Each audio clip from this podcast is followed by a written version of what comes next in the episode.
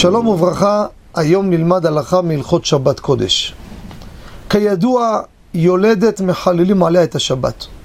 אישה שמרגישה שהיא צריכה ללדת, אז גם ברכב נוסעת או באמבולנס נוסעים לבית חולים.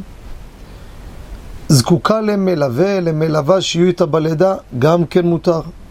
ואני רוצה לדבר היום מה קורה אם היולדת דורשת, היא מרגישה שהיא צריכה שגם אימא שלה תהיה איתה וגם בעלה. האם נתיר לשני האנשים לנסוע איתה בשבת ברכב? אחד אני מבין, אולי שניים זה כבר מיותר. להקדים, יש הבדל בין פיקוח נפש של יולדת לבין פיקוח נפש של אדם שחס ושלום קרה לו איזה נפגע בשבת, חלילה פיקוח נפש. חולה שקרתה לו תקלה, חללים שבת ולא עושים שינויים. מהר, כמה שיותר, להציל אותו מהר. יולדת, אף שזה פיקוח נפש, כל מה שאפשר למעט בחילול שבת, לעשות בשינוי עושים. מה ההבדל? מבואר בפוסקים שיולדת, נכון זה סכנה, אבל לא מצינו אחת מאלף שמתה בלידה. זה דבר בטבע. צריכה כמובן את הסיוע.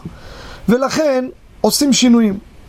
לגבי לקחת מלווה או שני מלווים, אף שבאמת זה לא צריך, אבל רבותינו אמרו, כיוון שאם לא ניתן לה, יש לה פחד וחשש, ולא יהיה לה יישוב הדעת, זה דבר שיכול להשפיע על קושי בלידה, ויכול להגיע חלילה וחס לפיקוח נפש. לכן, הלכה למעשה, אישה שזקוקה, שגם בעלה יבוא איתה, וגם אמה תבוא איתה, מותר לשניהם לנסוע בשבת לצורך להיות איתה. כי היא מרגישה, היא עוד זקוקה לזה מאוד, היא לא סתם מתפנקת. כן, אני מסתדרת בלי זה, לא זה הנקודה, היא מרגישה שהיא זקוקה לזה. מקרה כזה זה מותר. תודה רבה וכל טוב.